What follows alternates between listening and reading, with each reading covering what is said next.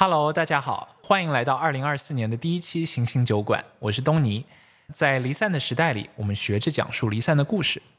这期节目的嘉宾是朋友杰平，我们认识得有十年了吧？从那个时候到现在呢，我眼中的杰平就完全可以用一个喜剧电影的标题来概括，就是 I don't know how she does it。我就真的不知道她是如何同时在做着这么多非常不一样，但是又很有意义的事情。他是端传媒的前任主编，也是区块链社区 Matters 和非虚构写作在场奖学金的发起人。去年他在台北开了一家书店，叫飞地 Nowhere。而今年作为尼曼学者呢，他在哈佛交流的期间，还一不小心把飞地书店开到了清迈。在二零二三年的最后一周呢，我们终于有机会坐下来聊了聊过去跌宕起伏的一年，以及未来的一些展望吧。那我更好奇的是。在一个躺平已经成为时代精神的世界里面，我们作为离散者应该如何去创作，如何去创业，以及如何在这个过程中找到自己算是心安的锚点吧？我觉得，当你能把你想要的那个世界的样子特别清楚的描述出来的时候，这个对很多人来说都是一个很大的 empowerment。是的。你那个愿望描述的越清楚，就会有越多的人希望看到这个东西实现。那这个时候，这就是个众人之事了。你觉得你去尼曼，你去美国的之前，你是觉得这是一个 break 吗？这是一个让你休息、让你脱离你之前的这样的一个，还是说你是来做事儿的？你是希望能创造的事情呢？我觉得我现在。今年刚好四十岁，我觉得，比如说，如果是三十岁到你们，或者五十岁到你们，可能状态都很不一样。我觉得我现在的人生里边很难有区分，我到底是在一个 break 还是在一个继续往前走。就我其实都觉得好像很难这样子去区分，所以对我来说，比较像是一个我需要一个 distance。嗯嗯，对对对，就是我需要一个距离，我没有特别强烈的。在追求一定要 break，或者是一定要继续奋斗什么的，就是，但是我觉得我追求一个空间去拉开一个距离，因为我在中港台这个漩涡里待的太久了，然后就是一直是中国到香港，香港到台湾，然后，对我觉得我就是很直觉的觉得我需要一个距离去拉开一下，让我理清楚现在在做的所有的事情到底需不需要一个 break，跟如果需要的话是什么样的，如果不需要的话那是。嗯，怎么往下走？就是物理上停下来一下，去理解、重新认识自己吧。就是这个 distance 是我觉得很清楚我需要的，是是。但是我不是真的很强烈的说，现在一定要停一停休息，或者一定要继续工作什么的。嗯嗯嗯。过去在这个 distance 之前，也是做了 God knows，就是做了多少事儿啊。太可怕了，完全没有停过。我其实就是从开始工作，我其实没有真正的休假过，几乎对。而且我觉得，我我现在才比较认识，就是比较接受自己这一点。就是我觉得我其实是一个不太会休息的人。嗯嗯。就这当然可能不是个好事儿，但是 so far 对我来说，这其实是比较 comfortable 的一个状态。嗯。我其实因为常常有朋友跟我描述一种 aimless 的人生，就是没有目的的，然后就是真的，唉，就是用这三个月的时间，就是完全。嗯，对待自己的，好好照顾自己的身体、心灵，跟自己的 inner self 对话，等等等等。就是我常常听到这些描述，也觉得挺羡慕的。嗯，然后我以前也挺焦虑自己不能这么做的。嗯嗯。那我现在比较接受，就是我觉得我就是不能这么做。我觉得我就是，这不是我最，至少现在不是很 urgent，也不是最需要的休息方式。就我的休息方式，很可能就是换不同的项目在工作。对。对对对，所以我我不是一个很会就是那样的休息的人。嗯嗯嗯。对我来说，我的能量其实应该来自于之前看到过一个什么一句什么话，就是工作就是把你热爱的事情给显性化嘛。哦。对，我觉得对我来说，我可能热爱的事情太多了，以至于工作本身对我来说不是一个苦恼。而且因为我其实可能一五年做端传媒之后，就是进入一种。准创业状态，嗯嗯，所以我没有给别人打工，嗯嗯，对，所以变成我在做的事情一定是我喜欢的，嗯，或者我觉得重要的，或者我 care 的，嗯，那只要投入在做这些事情本身，对我来说是一个吸取能量，不是消耗能量的事情。是是是，我觉得我两边都经过过，就是我在香港的时候，我们昨天还聊到，不知道为什么香港会给你一种很强的那种 high agency 的状态。嗯，对，当时我在香港的时候，自己写东西，对一家一家出版社找能不能给我出东西，希望能够真的去记录我自己经历的事情。然后那个时候是能量很强的。但是到了美国之后呢，就会进入了一种慢慢工具人化的一个状态。一开始是说啊，我希望在各大新闻系那个时候，觉得每个人大家都是各怀新闻理想的。对。然后呢，当你出去了之后呢，你就会发现每个人的新闻理想大家都是一样的重量，但是呢，在美国的职业市场上，他每个人新闻理想的钱是不一样的。对对。对 你，你的理想，你你的 concept，你想要讲的故事，这个东西值钱，还是你的技能值钱？然后就。发现原来是可能我百分之九十是在讲自己的故事，然后这个就慢慢降降降，变成百分之五十，变成百分之三十，变成百分之二十。对，剩下的呢，就是一个是卖自己的技能，一个呢就是怎么样把自己的故事调整成一个让对方可以接受的状态。我不知道，因为你你你去美国刚刚经历了这个整个，我不知道你有没有遇到这样的，因为你过去的平台和起点是不一样的，你过去就是尼曼学者，那你还需要跟别人解释吗？肯定没有这么强。对我觉得我理解这个状态，我自己在刚到香港的时候有类似的这个感觉。嗯。但我我觉得我不知道是因为比较幸运，还是就我现在首先我去到美国，就是我肯定我已经在一个 mid career 的状态嘛，呃，我相对来说不那么需要这个评价体系给我的肯定，应该这么说，对，嗯嗯。然后因为我觉得我的嗯内在的动力跟出发点都已经很强了，嗯，对，所以因为不是特别需求这个被认可，所以我也不是特别 care 这个系统怎么认可你。嗯，然后那在尼曼他的提供的这个环境也是非常慷慨的，就是他确实就是提供了一个他邀请的这个尼曼学者每年都是十几个不同国家嘛，嗯，所以他给了充分的空间让这些非常不同的文化背景跟处境的这些职业中的这些记者或者是新闻人来分享，然后听众是一个很开放的状态，就是并不需要你去证明。你们国家问题真的很严重，就是你不需要反复的去解释。听众整体上来说是一个非常开放，然后就是他们邀请你来，就是做好了准备要听他们一个异文化的东西的。嗯，所以这是一群很好的听众。嗯嗯，就是他搭了一个很好的听众的这个台子。嗯嗯，但我我觉得你的那个问题是在于，因为你你需要在美国的主流社会站稳脚跟嘛。嗯嗯，那这就是另一个，就比如说假设。好，我这个一年访问学者结束，我决定留在美国，嗯，生活。然后未来二十年的职业要在这里展开，那肯定要经历这样这样的过程，因为你你就不会再有一个那么慷慨的听众群了，你就会要面对那些其实对你一点都不关心的人，但是你又要向他们证明这一个事情很重要，嗯，然后我应该要得到资源，我应该得到关注，我应该要得到这个这个这个，然后把这个事儿做成等等，嗯，就是那个状态就完全不一样了。对，可能刚到香港的时候有一点点，但因为香港跟中国的关系很特别嘛，嗯嗯，所以我我觉得我。好像没有真的非常长时间的经历这个过程，我说是好像挺早就跳出这个 game 的，就是虽然表面看起来你就是一直在工作，嗯，我记得我当时在大学的时候，在大学讲课，常常会有就是那些还没有工作过的学生就会问你 work life balance 的问题，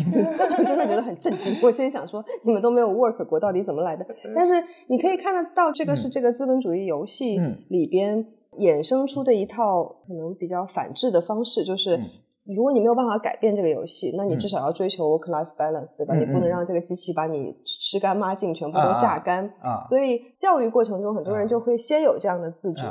但对我来说，我每次问到这种问题，我就很困惑，然后我就心想说，我其实没有，从来没有做到 work life balance。然后我就开始自我怀疑，说天哪，我是被这个机器裹挟而不自知吗？嗯嗯嗯。然后就我我就像刚才说的，我就开始自我怀疑，说我没有休息，是不是表示我其实哪儿不太对？啊，对。但我其实花了很多年，现在我才比较有自信的觉得，我其实就是因为我没有在这个游戏里。那对我来说，不知道是因为做记者还是什么，就是我觉得我做的所有的事情，真的是从非常真实的问题出发的。嗯嗯。然后有一种，你离你想要去处理和解决的问题不遥远。嗯嗯嗯。呃，然后那个问题非常真实，非常真切，而且当然非常难解决，所以它让我做的所有事情都有一种。Authenticity 就是它没有那么强的工具化，就是我并不是已经专业细分到去做某个螺丝钉，不知道自己为什么做这件事，我我都知道，嗯嗯，而且那些事儿都很难，嗯，足以一辈子都做不完，所以就 就是那个支点是很清楚的，嗯，就困难不是问题，但是那个支点就是 why 是一直非常清楚的，明白，因为那个 why 很清楚，所以。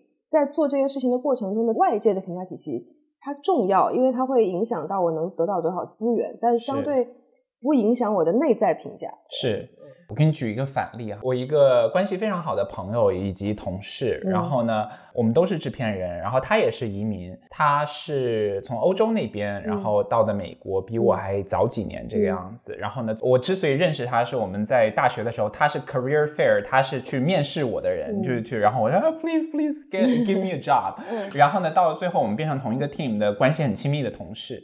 然后呢，我在那间公司工作了一年，他在那间公司工作了六年。然后呢，我们一起做了一个 series，然后那个 series 拿了很重的一个奖。那这个奖就是已经就是 career defining，就是哎，我我这辈子我就拿这么一个奖我就够了。拿完这个奖之后呢，我就突然间心里就 OK，我完成了一个阶段性的成果，我开始在想接下来的事情。然后我就有一天跟他出去吃饭散步，嗯，然后呢，我问他说：“你明年大概的目标是怎么样？你你打算怎么样？”然后他就跟我说了那么一句话。他就说：“哦，我明年的目标就是我要工作百分之两百的努力，因为这个样子的话，我就可以跟公司证明，这样我并不是拿了奖之后我就歇了，我拿了奖之后我还更加努力的工作。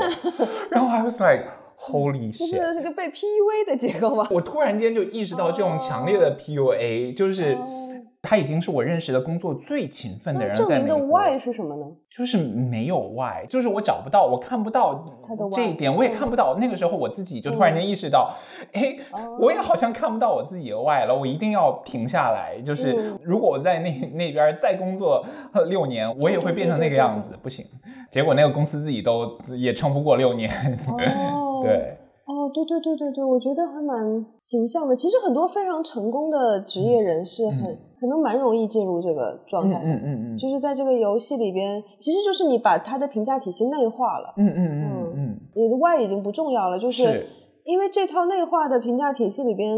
就是能给你生活的所有东西嘛。你的朋友认可你的上级，然后协助你的下属，然后你你周围的社群对你的正向的。就是评价，然后等等等等，是是，就他就很需要 work life balance。对对对对对，他如果在这个游戏里就很需要这件事情。是是是，那你这一次你去到美国，这次算是你第一次到美国以一个长时间的居住的一个超过一个月的长时间居住是第一次，嗯，就一开始的感觉是怎么样？和你的预期一样吗？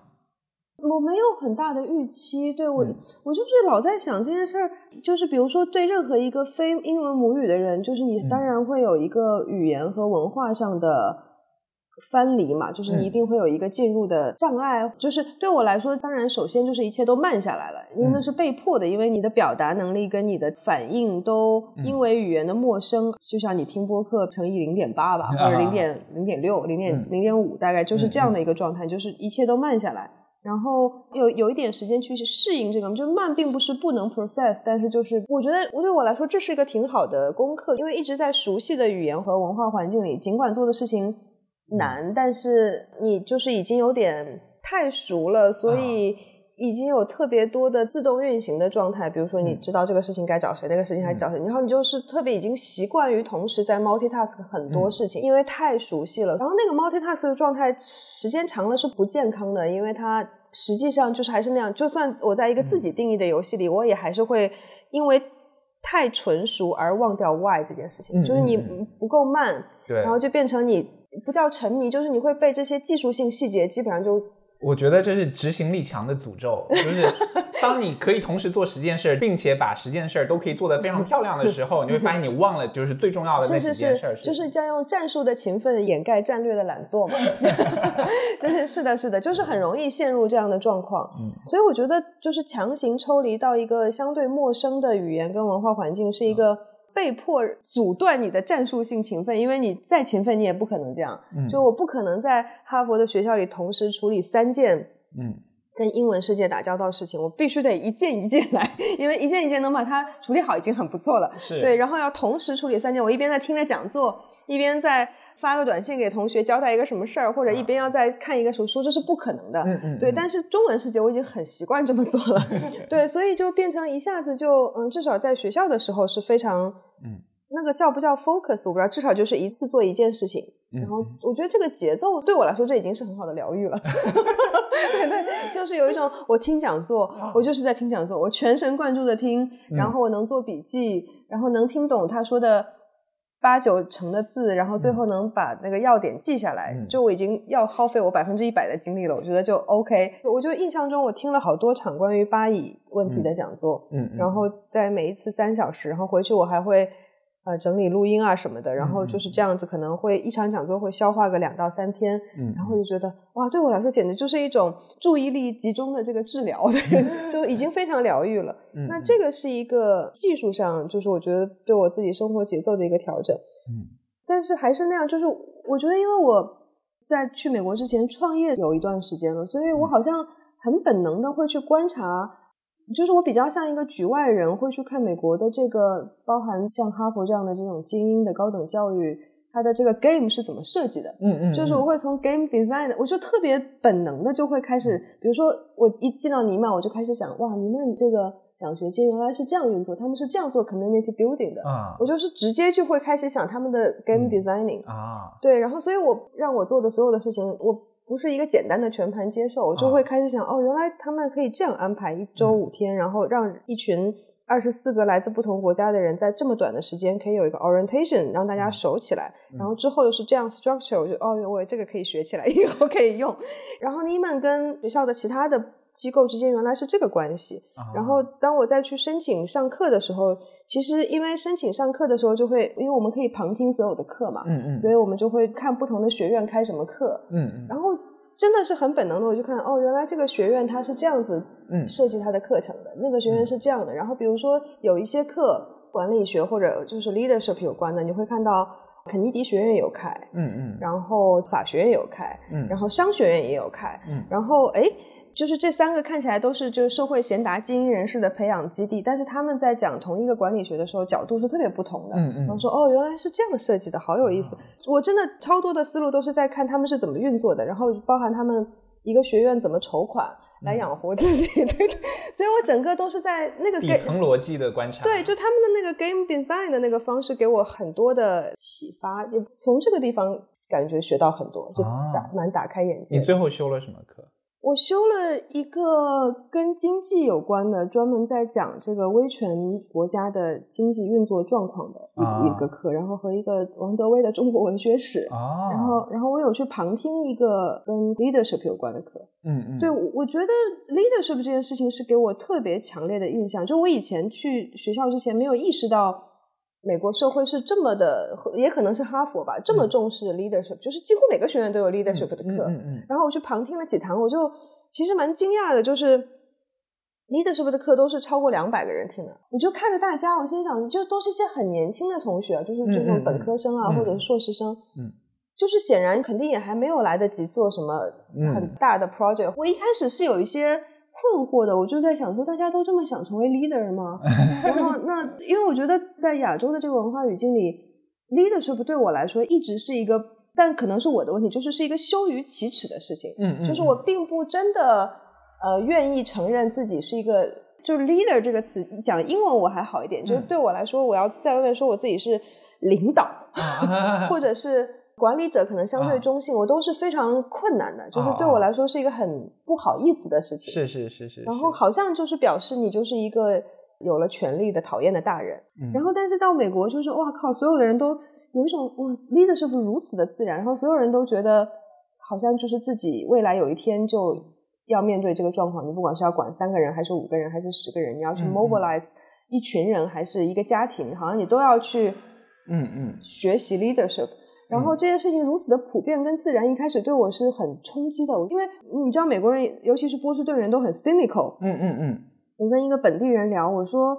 大家是因为想改变世界吗？就是因为他们说哈佛大学的人都想当总统，哈佛法学院的人肯定也都想当总统。我说那大家想当总统是因为想要改变世界吗？他说：“哎呀，你不要这么天真，他们真的只是想要权力。”嗯嗯，就是那些 cynical 的人就会说，他们只是想要 power。我说：“哦，这么多人都想要 power，成为一个 leader 嘛，就好像哪里也怪怪的。”但我后来真的去仔细看每个学院他们设计的 leadership 的课程的时候，就发现不是这样的。我我就觉得我们两个社会跟对权力的理解不一样，就是因为对美国来说，就或者是说对管理学的经典的这个理论来说。确实，你可以把它分成 power 跟 authorization 嘛，嗯，就是权利跟授权是特别不一样的。嗯嗯嗯。那绝大部分的 leadership 其实是在处理授权这件事情。就当你站在一个被授权的位置的时候，你怎么能对得起这种众人给你的授权？然后我觉得对我来说，就是我去稍微听了一下他们的课，就觉得是一个特别有意思的，对我来说是空白的那种自我治理跟自我管理的这个，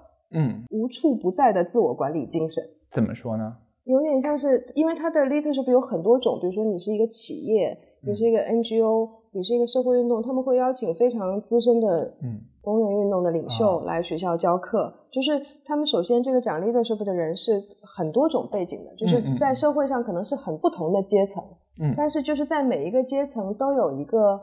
自我动员、自我组织，然后去为自己这个群体的利益和权利伸张的这种。需求，嗯，因为这个政治就是这样运作的，政治不是有一个大政府去啊。无微不至的照顾所有人啊，而是这个社会里的每一个部分都需要自我组织、跟自我表达和自我团结，然后让自己的权利能被看到，然后进而能够 bargain 嘛，相互的游说什么之类等等，所以变成他的历史是不是就是在任何一个阶层，他首先不是分权力高下，他在任何一个阶层都存在。有一个老师。他的对 leadership 的定义很精彩，他就说 leadership 就是在有困难跟有危机的时候，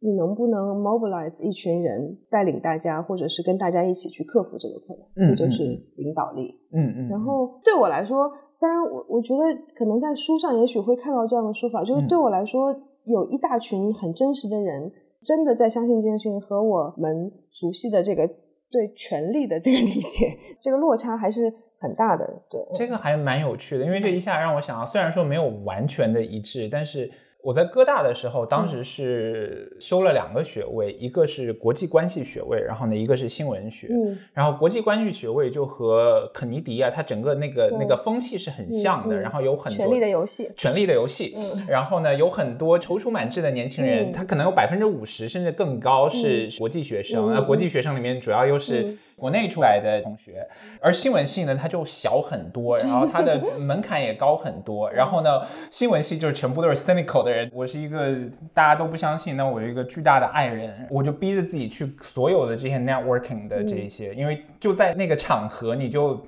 不管是不是 leadership 还是什么，就是你到了那个环境里面，你就会觉得你要做这件事情，你必须要认识到尽可能多的人。就是在我看来，什么是成功的？就是那个时候你在那个学校走廊走过去，你和所有人都可以给你打招呼，然后嗨嗨嗨嗨，What's up？How's it going？对对对，而且这些人的未来都是国际的精英啊，联合国啊，什么什么什么，有一种你和这个小联合国非常近的感觉。但是我其实是很空的。两百多个人上那个 leadership 的课，但里面真正的懂或者说知道这个 leadership 的重要的人，的人其实没几个，没有几个。嗯，对。那反过来到了新闻系这边呢，突然间完全不一样，大家都就是能不上的课尽可能不上，然后呢又不喜欢学校的制度，然后又什么，就是一下记者的那个劲儿就出来了，对对对，特别的神奇。对，这两个对比好鲜明。对我能想到，所以对我来说，就是好像我在学校里哈佛感觉到的这些。可能也是尼曼给了一个很好的位置吧，就是你能平行的去看不同学院怎么教 leadership 的，嗯嗯嗯，然后就变成，哎，最后它变成一个相对也不叫是中性，就它不只是一个权力的游戏。如果 leadership 是讲，呃，你怎么样去团结跟动员人一起去克服困难的话，那这是一个不管在任何一个阶层、任何一个地方都需要的事情，它就变成一个自我治理的技术，或者叫。Liberal arts 就是叫自由的记忆，就它变成某一种去实践自由的记忆。就我后来倾向于把 leadership 看成一种，因为实践自由不可能靠一个人，因为那是一个个体自由而已。实践自由是一个 kind of 是一个公共或者一个群体，那你多多少少一定会动员到 leadership。不管你是透过一个演讲去打动别人，还是你要去揪三四个人跟你一起完成一个什么事儿。就是我好像获得了一个这个视角之后，我的世界就不像你刚才说的是一个，就是要么就是一群左派精英，对吧？要么就是一群右派精英，然后非常的分裂，然后两边水火不容，然后。也不可能去进入、跟认识、跟沟通、跟对方。对，现现在美国大学现在就是这样子。对对对。其实这两边反而就教会了我很多，就是我在融入美国主流社会时候所需要的技能。是是是。比如说，我其实，在国际关系学院上的新闻课，而他给我的这个资源反而是最多的，因为 因为比穷困的新闻学院要好很多。Yes Yes。对对对。因为国际关系学院的新闻老师，他就是一个非常典型的，你要去的，你要出去投稿。我教你，他有专门的一个课，就是教你说你应该怎么写，就给编辑写投稿信。然后他自己是 Village Voice，就是他当年是混 Studio Fifty Four 的这样的一个在文化界的一个。然后他后来就是年纪大了，然后在这个新闻学院教书，他就是教你怎么在这个场合里面去找到你要的编辑，然后呢去跟他投稿，然后发东西。新闻学院这些东西不教的，你就是要好好做新闻，你就要去 去去跑这些东西，真的。然后最后 好形象，嗯，就就非常可爱。对对对对对，新闻学院教的东西可能会让你写出很好的稿子，但是没有办法获得成功。对对对，就是，而且另外一一个地方就是国际关系学院的新闻学，它揭示了另外一部分真相，就是这一个社会，就不管是美国还是纽约，它的权力是怎么运作的，它的社会网络是怎么样，Who you you can talk to？对对对对对对对对。没错，所以，我我真的觉得，就是你你在一个什么状态，可能就会看到，因为美国当然是一个很大的国家，然后很非常丰富，非常非常多的 layer，然后哪怕一个学校，哈佛，对吧？嗯，那也是一个很大的小国家，就是里面有非常非常多的层次，所以基本上就是你在一个什么状态，你好像就会看到那个角度的那个学校或者是那个国家。是的，是的，是的。那你和你的这个。cohort，你的同僚就是其他这其他二十三个对其他 fellow，你跟他们的交流是怎么样的？挺好的，我觉得就是分为经历过苦难的国家 跟没有经历过苦难的国家，就是我很明显的就是跟乌克兰的朋友啊，什么俄罗斯的朋友啊，然后非洲的朋友就聊的比较能够触达的那个位置比较有共鸣吧。对，那像其他国家，像奥地利或者是。加拿大、美国，就大家玩的都很好，因为 Neiman 确实是创造了一个非常好的 community building 的，他做了大量的隐形的 community building 的工作。嗯，或许真的应该学一学，就是超级大量的，就是比如说，其实你把二十四个完全不同背景的人放在一个 group 里边，我觉得挺有趣的。就是 Neiman 有一个特别经典的、历史悠久的一个分享，就是他每一周会请一个人分享自己的故事。嗯嗯，然后他那个故事有一个设定。就叫 Why I do what I do，嗯，就是我为什么做我正在做的事情。所以他让这些人相互了解的方式，并不是创造大量的 social 场合，就每天都要关在一起喝酒或者什么，而是首先让每个人把自己的故事，就是都好好的讲，也特别适合 I 人社交。对对，就是那是一个蛮有仪式性的场合，有点像一个加长版的 TED 演讲一样。嗯嗯，然后。每周相当于都有将近两个小时的时间是这个分享，然后两个小时之后就是由这个分享者会安排他的家乡或者是的食物，呃，家乡菜，然后邀请大家来吃，然后学校会出钱，所以就是有一个大概长达三到四个小时的时间，每一周都有这三到四个小时的时间是属于这个人可以去安排的。嗯嗯。然后呢，变成其实经过这些周，就是大家所有的人对所有人就一下子有一个非常深度的理解，因为你那个分享里是可以展示，很多人会把自己。家族的历史啊，什么小时候的照片啊，什么什么自己过去的城市，他自己的国家的背景就全部，因为通常你为什么会当记者，都跟这些有关嘛，就全部都会讲出来，所以大家就是一下子会认识到对方，对，然后但当然对我来说，就是听这些分享，包含跟大家日常聊天，受经历过苦难的地方的这个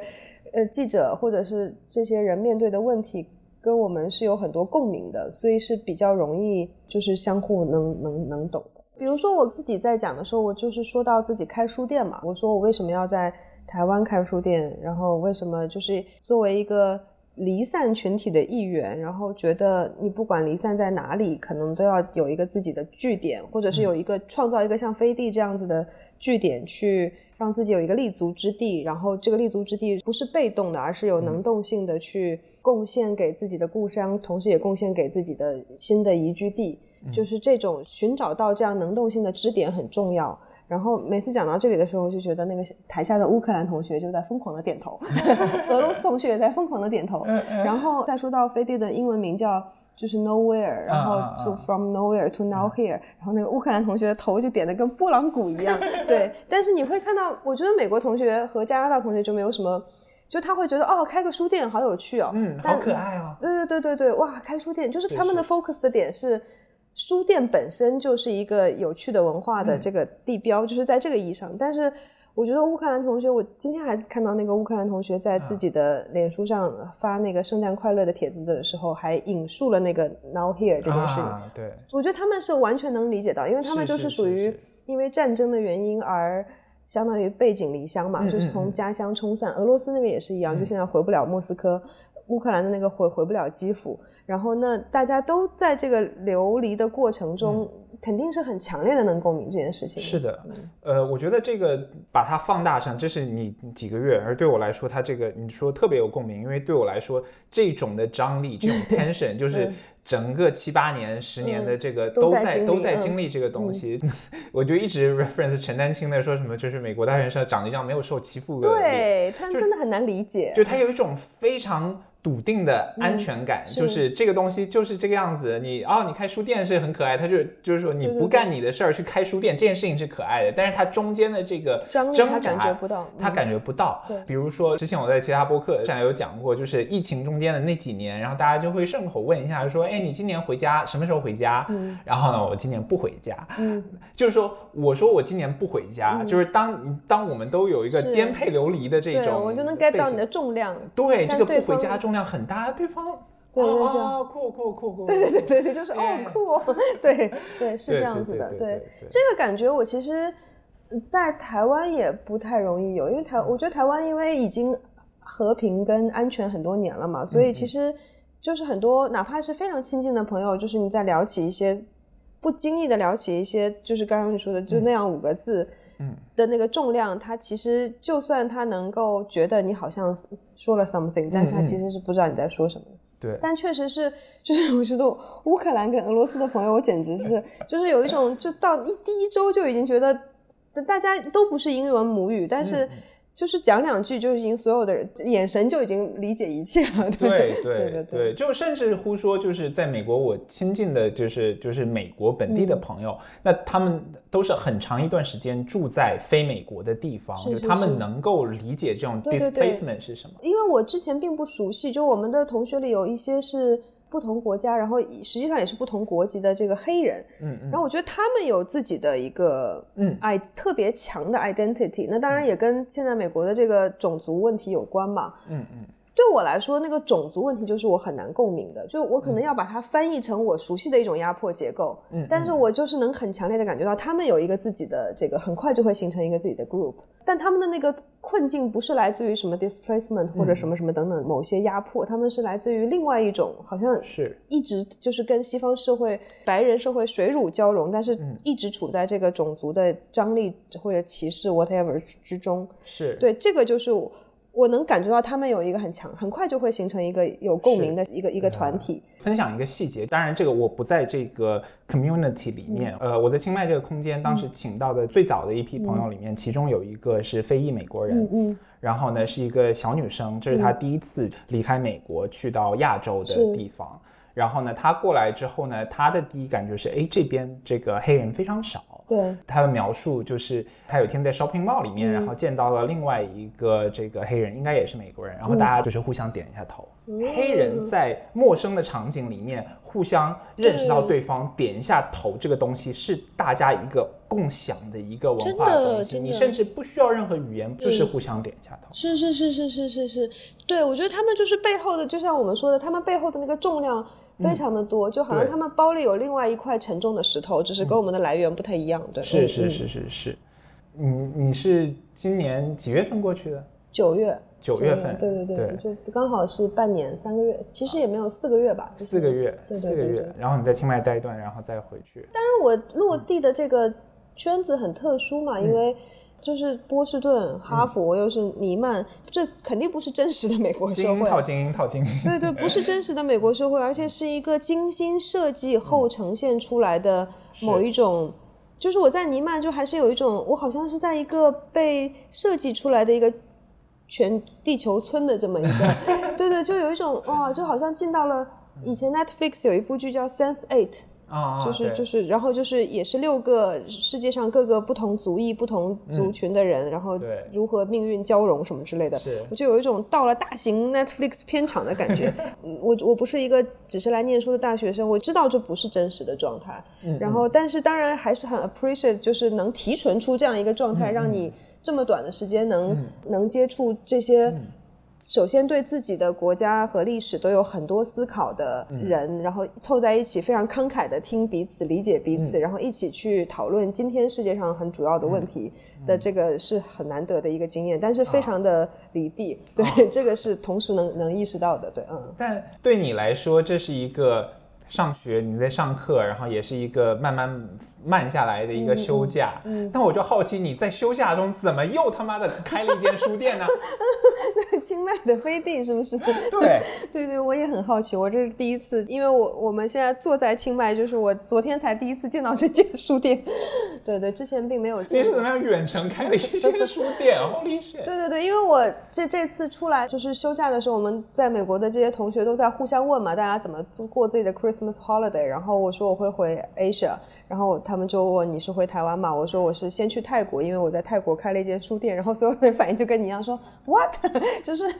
你不是都在波士顿吗？你怎么在清迈开书店呢？对这个事情，我现在都很难解释。对，就是我跟 Tony 是今年四月份，二月份。首先我二月份的时候我去台湾，我去台北看你。对对对对。然后我四月到清迈来嘛，然后我跟我爸妈在清迈旅游嘛，我然后我跟 Tony。四月初应该是在清迈是在场的项目做了一个分享，嗯，我还记得那个标题就是离散和在场，嗯嗯嗯，对，离散是一种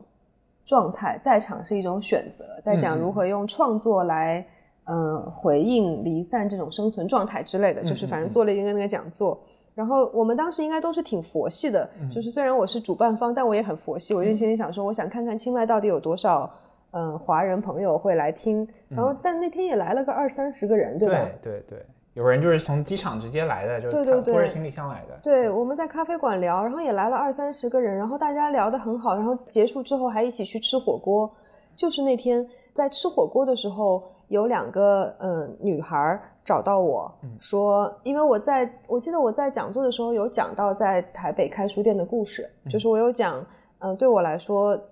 除了写作之外，就是书店作为一个很具体的社群的据点，给了我多大的一个在离散状态下的一个精神支撑，跟特别好的一个立足点，去恢复能动性。嗯，就是因为人在被抛到一个自己无法决定的大的命运的时候，是很被动的嘛。嗯，对，所以就对我来说，开书店变成一个在这个巨大的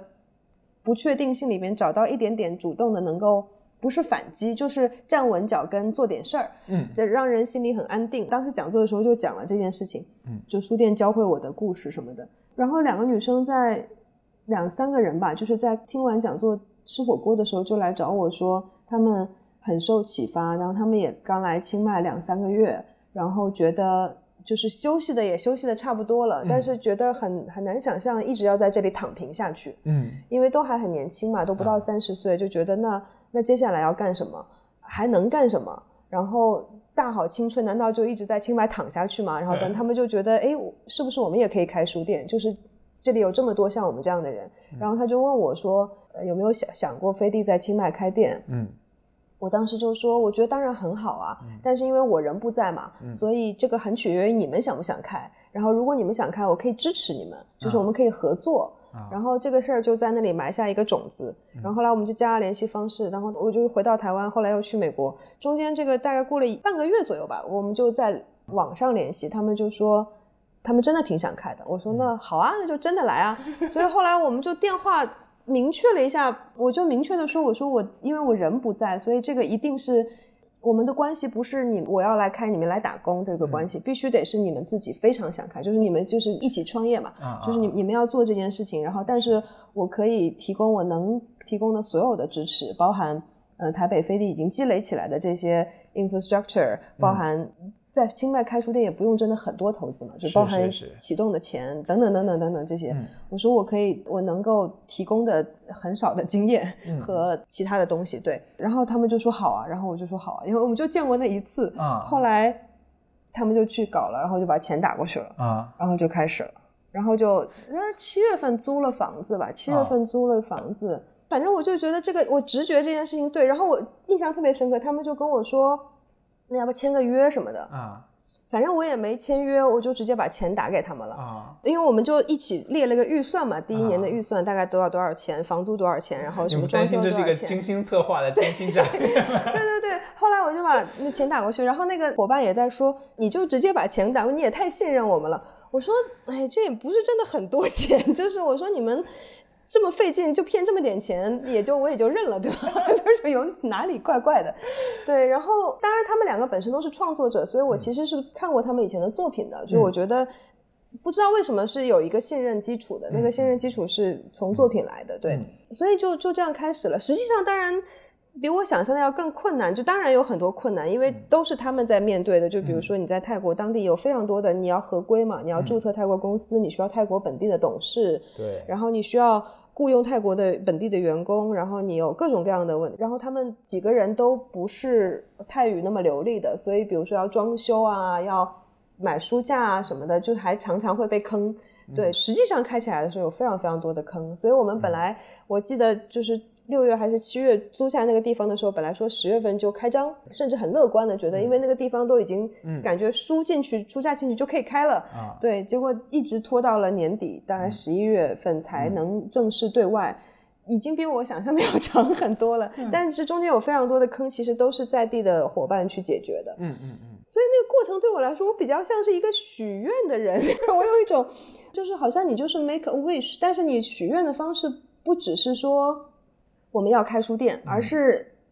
我我觉得当一个人你能把你想要的那个世界啊非常清楚的描述出来，比如说我可以说出来，有了书店以后在台北，嗯，那是一个什么样的状态？嗯我觉得当你能把你想要的那个世界的样子特别清楚的描述出来的时候，这个对很多人来说都是一个很大的 empowerment，、就是它是一个很强的动力。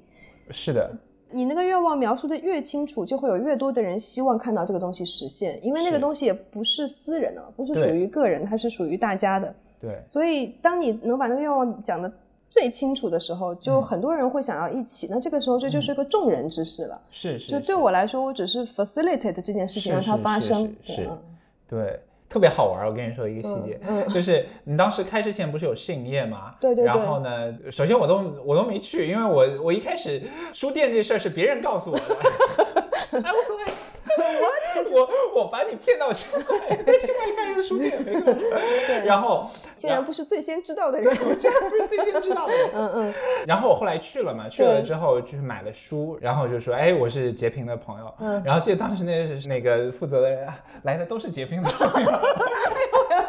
笑死了，怎么会这样？哎呀，不好意思，笑死了。对对对对对，嗯就就非常。当我看到那个就飞地共和国，然后看到那个，哎，就是他们自己想出来的。就我本来因为飞地的那个会员有一会有一本护照嘛，上面飞地共和国是个搞笑的说法是是，是在台北都没有用过这个说法，他们就很喜欢，就把它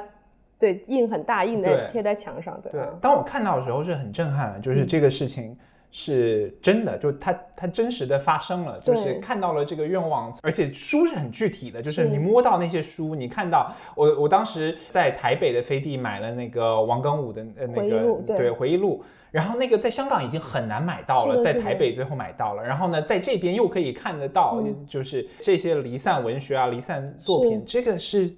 它的重量非常非常的重。对我其实到现在也还在消化这件事情，就是嗯，我觉得就像我刚才说的，其实对我来说一直驱动我的是那个 why 嘛，就是我对我来说，我就有点像写写稿一样，啊我并不是一个很喜欢去 follow 任何的固定的游戏规则的人，就是、嗯但只要是那个 why 足够清楚。就是我，我是觉得什么方法都可以。那比如啊。说，飞地清迈不是一个典型的商业嗯，运作，对。当然它是一个公司，它是一个合法注册的公司，它所有的这些东西都是符合嗯。一个商业公司该有的东西的。但是你看，就显然这个我们交易的方式，我们好像都很难用雇佣关系来形容，就都不是一个很经典的，嗯嗯嗯，好像一个开一个商业公司会做的事情。嗯，然后你说它是个非盈利机构吧，它也不是，因为它就是赚钱的嘛，就是卖书嘛赚钱。那我我有的时候也在想说，那可能我去跟很多真的在标准化的创业的朋友，他会觉得你这个，对吧？太扯了，你都没有在算这些成本啊什么的。我也不是没有算，但我就觉得，就首先。嗯，好像就真的是先把这个事儿做了比较重要，就是有点像是一个感性创业，感性创业，对，像一个涌现的过程啊，像一个 AI，我们今天在描述生成式 AI 的时候会用的这个词，像一个涌现的过程，就是我是强烈的感觉到这里有它涌现的这个呃嗯嗯，首先它有一个涌现的需求，然后有人想要满足这个需求，就是这个涌现的过程，然后我只是在这个涌现的过程中间推了一把，嗯嗯，然后。可能完成了一些必要的因素，让这个涌现能够发生。嗯，然后因为一个书店确实不是一个典型的商业机构，是说它不是一个私人之事，因为它一旦开起来以后，这个空间 kind of 它确实是一个嗯介于私人空间跟公共空间，或者它就是一个公共空间之间的东西，所以它那个涌现的结果最后也是。很多人一起来共享的，所以我觉得在这个过程中，你作为一个让这个事情启动跟 start up 的人，他是不是一个传统的创业公司、硅谷式的创业公司，还是它是一个 NGO，还是好像那些定义也没那么重要。但这件事情，我觉得最终就是从回报的角度，你一定能收回回报的。是。好像就可以了，就让这事儿先发生再说。嗯，所以你四月份开始就是在吃火锅的那个晚上，开始了这个种下的种子。然后呢，你现在十二月就是你算是第一次，就是你是昨天第一次见到 这个书店。对对对，昨天第一次见到书店。什么感觉？因为十一月份我就开始收到很多人发照片给我嘛，我当时就还觉得，或者我有一些习惯性的延迟满足的习惯吧，我就有一种习惯性的。不细细的去体会那些照片背后到底是什么意思，嗯，然后昨天，所以就是有点像我没有看太多的剧评，昨天终于看了电影，这个感觉。我觉得就是一切都很自然。去到那个书店的时候，就觉得一点都没有 drama 的感觉，就是有一种哇，他好像本来就应该在这里，好像已经在这里很久了。我有非常非常类似的那种感觉，就是他给我的感觉就是，哎，好像没有区别。我我进台北的那个飞地，它也是差不多那种感觉。对，就是它好像应该这个地方，哎，以前没有书店吗？因为他们装修啊什么也蛮朴素的，就是都是一个很本地化的方式。是。然后店员也是，就是也是泰国当地人，嗯，然后会讲华语的，嗯，就是我其实会很难 figure out 这个书店跟我的关系，我会觉得这个书店本来就在这儿。是。然后他怎么以前没有吗？应该有吧，可能已经开了五年了吧。啊，对，然后理性上去想一下，说是好像我们一起让这件事情发生的，所以那感觉蛮特别的。嗯，真的，就虽然说有点不一样，但是我的就是我在 Sunset Park 的那个，我等于说在纽约那边自己。自己住的地方也是慢慢把它变成一个空间的感觉，然后请了在纽约同住的朋友到了清迈，嗯，然后呢，大家也会有一种哎进了清迈的那个空间，哎需要什么东西我这边就会递给他，然后就是一下就回到家了，对，是的，很自然。所有去的人也就是比如说因为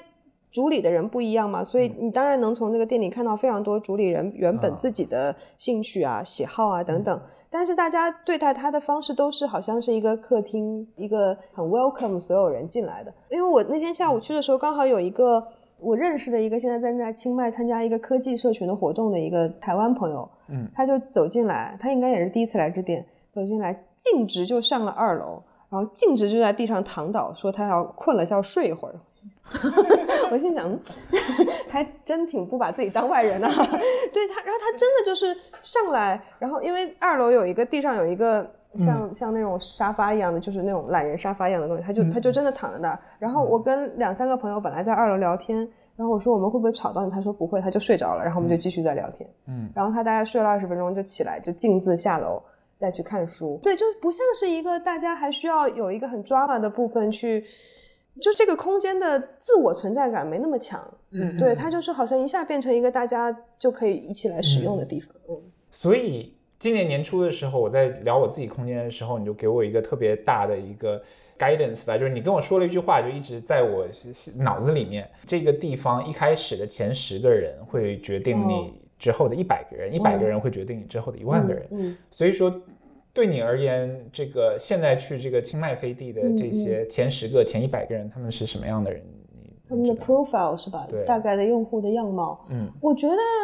就是我真的比较花时间跟清迈本地的朋友，就是开店的朋友讨论的是这个问题，就是说到底我们要面向谁，嗯，然后是什么定位，就这个是讨论很多的。我觉得基本上就是有三种类型的人吧，一种是其实游客是一部分，因为清迈的游客我觉得跟其他地方也不太一样，其实很多来清迈的人的旅游都时间都蛮长的。就好像很多人会来一个月啊，什么三个月啊，这种短期的 visit，就是不是那种两三天的，因为很多人来玩两三天多半不会来清迈，嗯嗯，对，就来清迈通常都是会小住一下子，数字游民吧之类的，对，就是这一类的人是肯定是一群，嗯然后另外一群是已经在清迈住下的这种华人的这个移民，或者是、嗯、那个移民的状态也很神奇，因为很多家长把小孩送来念国际学校啊什么等等，你说但他们真的要在清迈住一辈子吗？肯嗯定多半不是的，就是也是当一个中转站，那可嗯能是一年、三年、五年，就大概是也都是一个过渡，但是这嗯个过渡的时间比一个月、三个月要长一些。然后我觉得这两群人有一个共通点，就是未来依然是不确定的，嗯，但是我们暂时在这里待下来。嗯，now here，对吧？对我们前面是 nowhere，此刻是 now here，而且这个地方很慷慨，也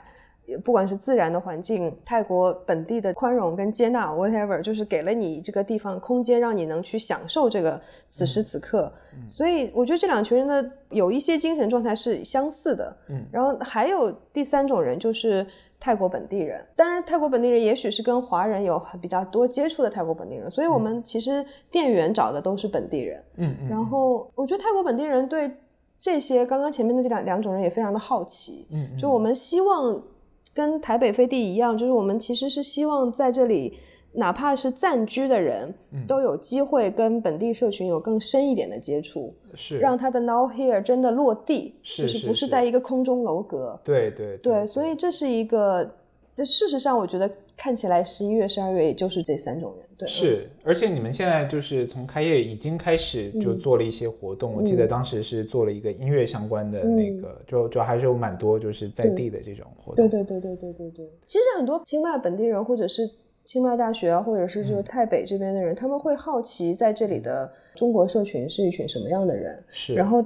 他们来飞地做个活动就能认识这群人，其实也是是很好的窗口。其实我来了之后就是一个怎么说呢，pleasant surprise 吧，就是蛮惊喜的。就是嗯清迈，因为它清迈大学在这里，它有很多非常 vibrant 的这种文化的活动的很国际化对非常国际化。是的，是的，然后就去那些音乐啊、现场啊，有爵士，然后还有那种云南的边陲的那种乐器的那种那种表演，的就非常非常非常。多元。我真是这次从波士顿飞来的时候，我跟我同学说我要来 Thailand，、他嗯们说去哪儿？我说去清迈，然后他们就问我怎么飞，我说波士顿有直飞啊。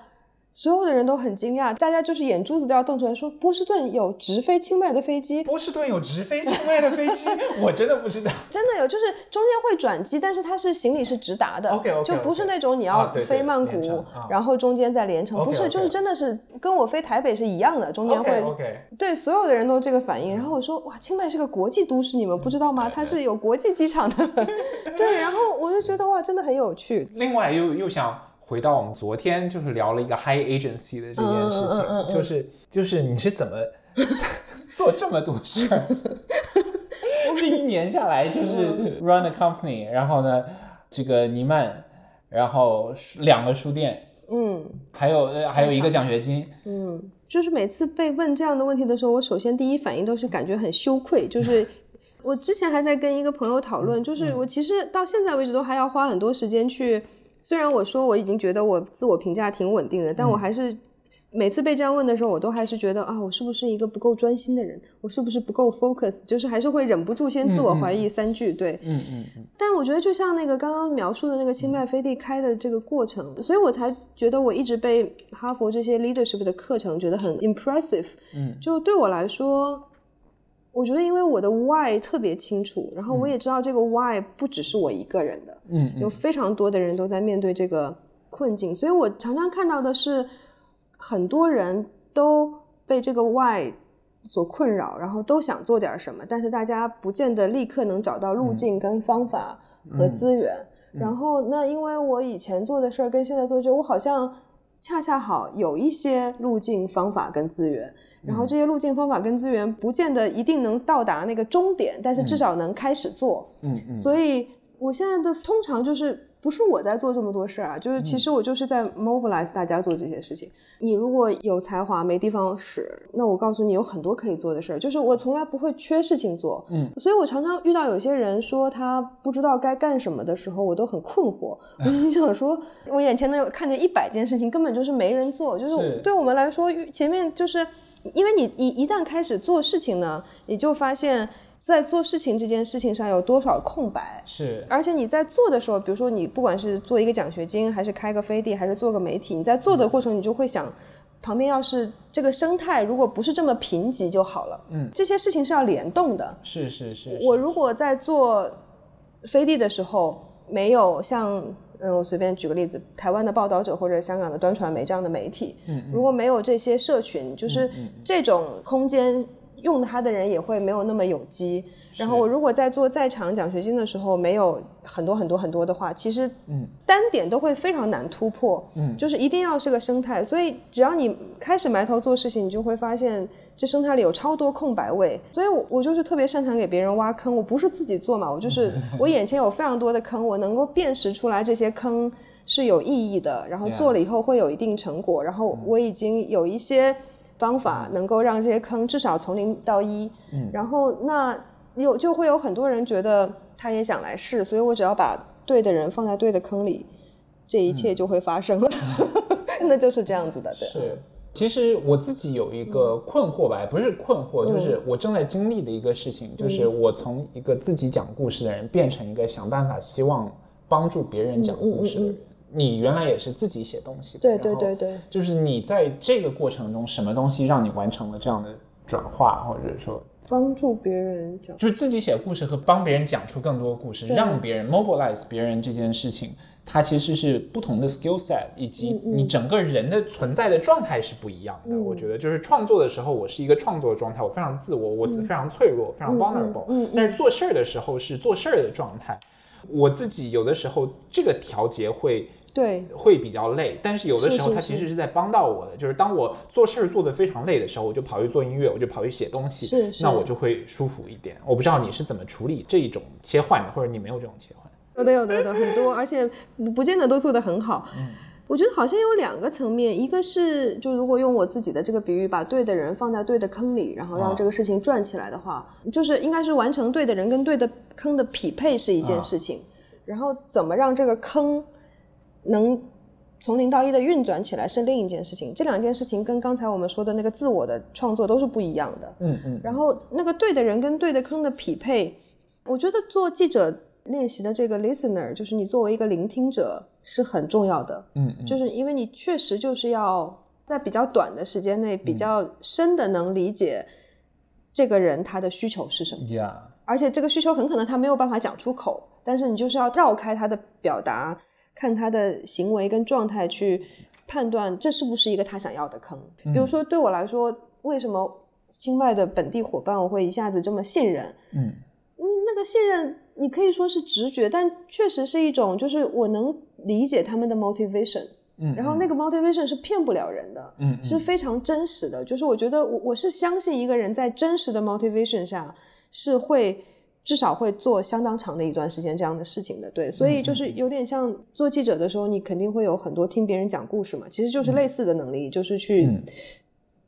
看清楚这个需求，然后把它们放在一起。另一种就是，我觉得让坑去从零到一的运转起来，这是一个相对更技术性的事情，就是更多的事物。嗯嗯就如果你已经有一些让坑运转起来的经验，你就会降低把一个坑从零到一运转起来的这个门槛。很多别人走过的弯路，你可能不用再走。但总的来说，是一个要去找到资源、分配资源，然后要去 hack 各种各样的现实世界的体制，嗯嗯，然后要让这个坑能够，你所有的创业都是 hack 现实世界的体制嘛？对。然后这里边就是超多的事务性的工作，所以就是大量的开会，嗯大量的 meeting，大量的说服这个人，说服那个人，什么什么什么，这个东西是比起前一个是很影响你的个人创作的。嗯，对对，所以对我来说比较艰难的就是说，我觉得我如果只是在创业，可能一切都还好办，但我确实我自己也是这个问题，就是我还是很想自己写东西，嗯嗯，所以我还是会有一些常常脱稿的专栏，跟有一些比较长期的写作计划，而且我也放不下，就是我觉得一定要写，所以这两个状态，刚刚描述的那个技术性去把一个坑操作起来，跟自己写作是非常矛盾的，对，就是我很难在一个早晨或者一个晚上开完四个还是五个会以后，再去进入一个我要去写一个相对比较长跟难的东西，其实是很、不是很有办法 balance。所以我一直都很佩服那些，就是以前那些什么在那些什么公司高管，冯唐，我想起来，我小时候刚看冯唐，当然冯唐现在可能已经是一个我相当陌生的作家了。我就记得我小时候第一次看冯唐写的小说的时候，他说他在麦肯锡工作嘛，嗯嗯他说他是每天早晨五点半起床，然后到七点半两个小时的时间固定写小说，然后就这样写了好几年。就我也很想要有那个状态，但我不是很做得到。我就心想说，哇，这个我也不知道那是不是真的。呃，那我觉得我理解他一点就是五点半七点半，就是你睡一觉睡起来，你人是 a clean slate，是就是你不受那些俗世的影响，你只能早上做。啊，对，我 get 这个，我其实心里一就先不要开手机，对对手机七点半才开。是是，可能是这样，就是你就能在物理上把你的时间切割开，因为这两件事情是真的不能同时做的，就是一定要切割的，对吧？而且冯唐他写的东西和他的麦肯锡的工作是非常远的。对没有关系，而且他写的是小说，是一个是是是自己的世界，对对嗯对对，就我觉得我在做事儿之间，我没有办法去写采访，我没有办法去写这嗯个 nonfiction 的东西，我要跑去写音乐，我要跑去写歌词，嗯这个东西对我来说是一个休息，但是对对我，我其实做的不好，就我现在也还在平衡这件事。就是我有的时候还是会，比如以月为单位或者双周为单位，会写一些 nonfiction 的东西。嗯，但我确实就是每次到最后要，可能前面研究差不多做完，要把稿子写出来的那一天到两天。我就会从大量的会议中间消失，我的同事们就开始说杰平去哪儿了，杰平去哪儿了，然后或者信息不回，对，因为已经知道那个时候已经没有办法处理了，所以对这次在清迈遇到很多就是我不同项目的同事，不知道为什么这段时间都在清迈，他们说啊他们有一个没有我在里边的交流群，然后我就跟他们开玩笑，我说你们是在吐槽老板吗？他说不是，他们都在交流到底怎么样可以找到杰平。对，确实就是我每次到开始最后那个东西要写出来的那一两天，我其实就没有办法处理任何事情了，或者我就想办法把所有的会议都延迟，或者是就是信息就晚二十四小是是是时才回。对，嗯。是。我其实还跟我的 therapist 聊过这个事儿，就是我就说，其实很多时间都很困扰，因为我就觉得我同时要写这个的时候，我就真的会在写稿，因为你也知道你在写稿的时候，在事务性的工作就会掉链子，嗯嗯，然后但掉链子不是一个好的事情，因为那确实就会拖到大家嘛。是是是，我的那个 therapist 就说：“你干嘛非要写稿？你就不能只做这个事情嘛？”然后他就很困惑我的这个动机，他觉得你是要想要，比如说留下一些名吗？还是要就是为什么非要自己生产什么东西？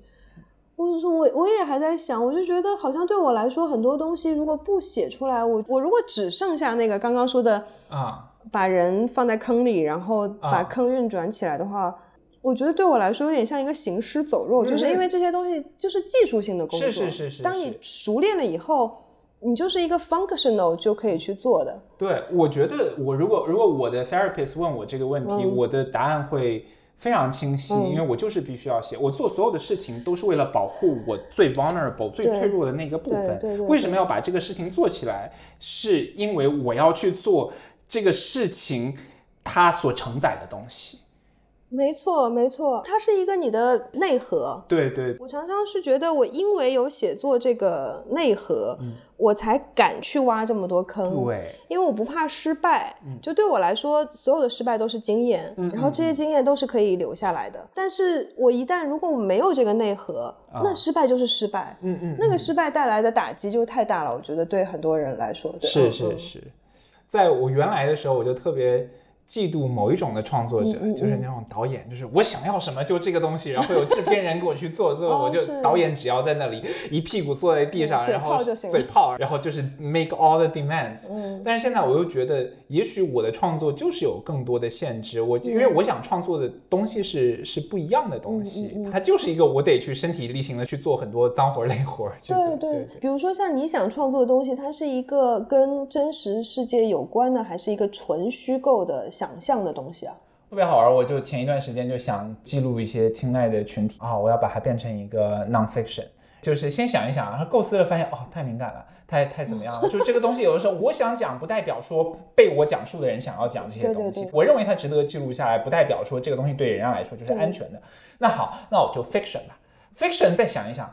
好像也不对，你这个东西你要是放到现实世界的话，你三两下也就可以被找到原型。那最后就那写科幻吧，然后就是在一个小时的 brainstorm 之间，就把一个非常具体的东西要变成了一个非常非常抽象的东西。我就发现。我在做的整个过程，其实是一个寻找我自己语言的过程。嗯，我们其实很多时候世界变得太快了，我们其实不知道怎么去讲述这些故事了。我觉得你这样讲完全能理解，你在清迈不可能躺平嘛。嗯，就是就是，首先你要讲的这些故事，你如果不身体力行的去 hands on 的参与其中的一些事情，你是不可能理解的够深入的。嗯嗯，对吧？你如果不去运作你的行星酒馆，其实你。对那些人的处境的理解就不可能深入到能把它写出很好的作品。嗯嗯。但同时你要把它写出来，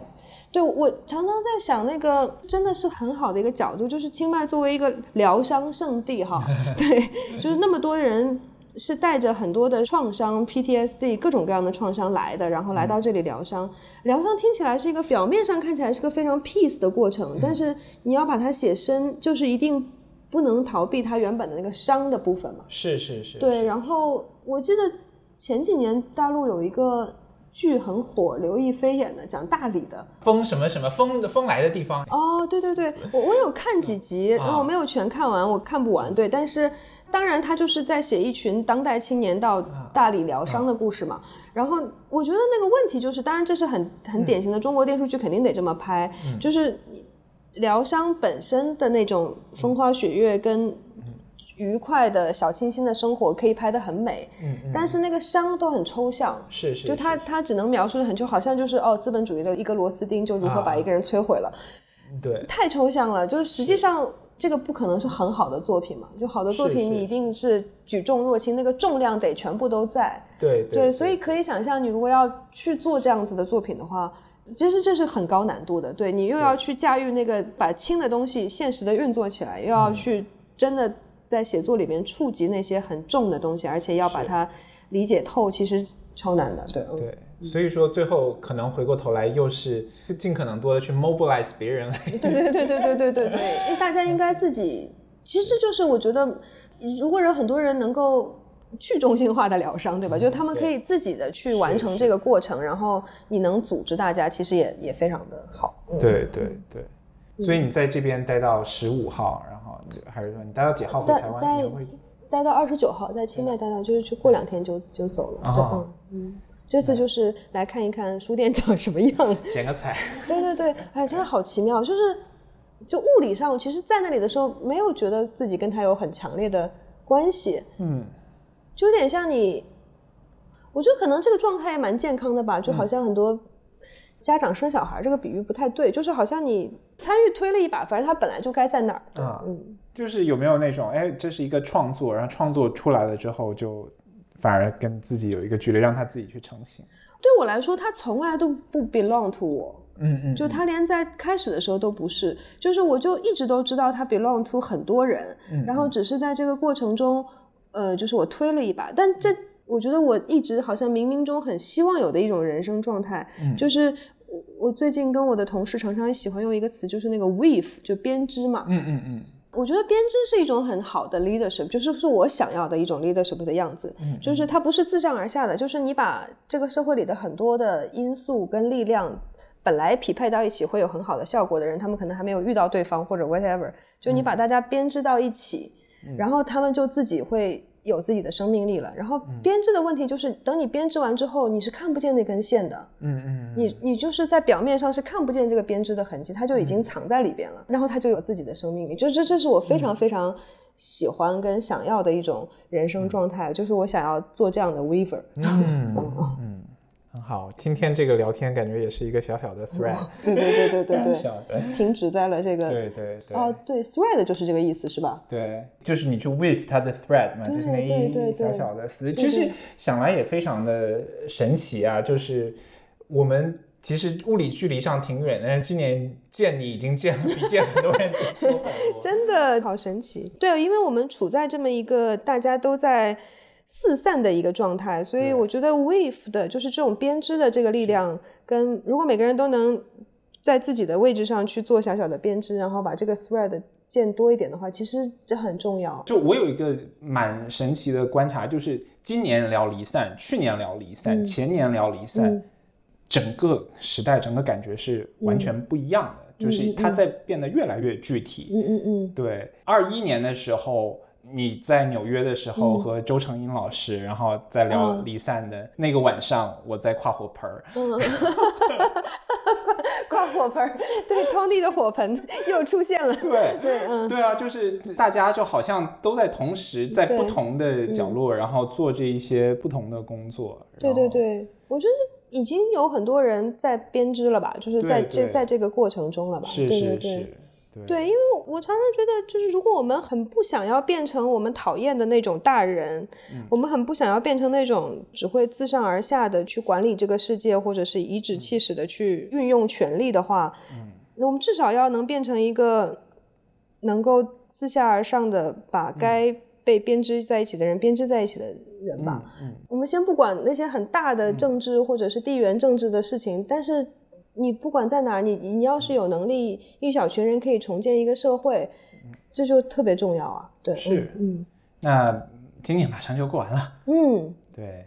我以前好像对年龄没有那么强烈的那个啥，就是三十五岁以后，每次想到我快要接近四的时候，虽然我对年龄的焦虑感一向都不强，但是我还是会有点小小的紧张，就有一种哇，马上就要好像青春就要结束了，马上就要四字头了，就是实还还是会自嘲跟这个嗯自我那个安慰一下这样。但我今年就是真的过四十岁生日，我没有怎么过什么生日啊，就是真到四十岁的时候，我有一种哇，四十岁了，好开心啊，就有一种好像我又有十年可以在五字头之前有十年，就好像一个重新，就是我有一个新的十年。是是，就不是说我已经结束了我的青春，而是哇，我有一个新的十年，而且这个新的十年是相比以前，我比三十岁的时候要准备好更多的东西了。嗯嗯，然后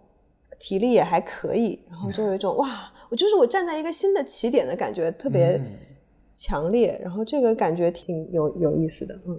四十不惑可能是这个意思吧？也 对，对对，而且就是尽管世界肯定会很糟，但是你就是有一种好像不是很害怕，嗯。你的新年的感觉是什么？我觉得我还没有 think in，就是、嗯就是，我记得去年的时候，去年是我在泰国过的第一个跨年，对，因为去年的时候我是经历了一个把整个生活完全搬到了另外一个大洲的这在一个范式转移的对一个范式转移的过程。shift，对。对，然后今年这个范式转移到了这个地方，就发现，哎，这个地方还是要继续过日子的，就是离散了之后，就是。离完了之后，开始要怎么去散建设发散的活着了。对对对对对，那这个就是突然间就有一种笃定的感觉，嗯，就是在这个地方又把房子又多续了几年的约，那这个地方就会慢慢的建设起来。嗯，来的朋友已经来了十几二十个，就住在这个空间里面，大家一起创作，大家一起去疗愈。嗯。的人也越来越多，慢慢的这个东西好像就是它是我我喜欢的词是 emerge，、嗯就是它这个嗯东西它自己就会浮现出来，涌现，对，因为涌现涌现，对对对对，对，是的，是的，是的，是的，对，所以现在就处于一种有很多空白等着自己去填，有很多嗯坑等着自己去挖的这种、状态。很棒呀，嗯，超多东西在眼前可以涌现的，是是是是，嗯。行，咱们就先聊到这儿。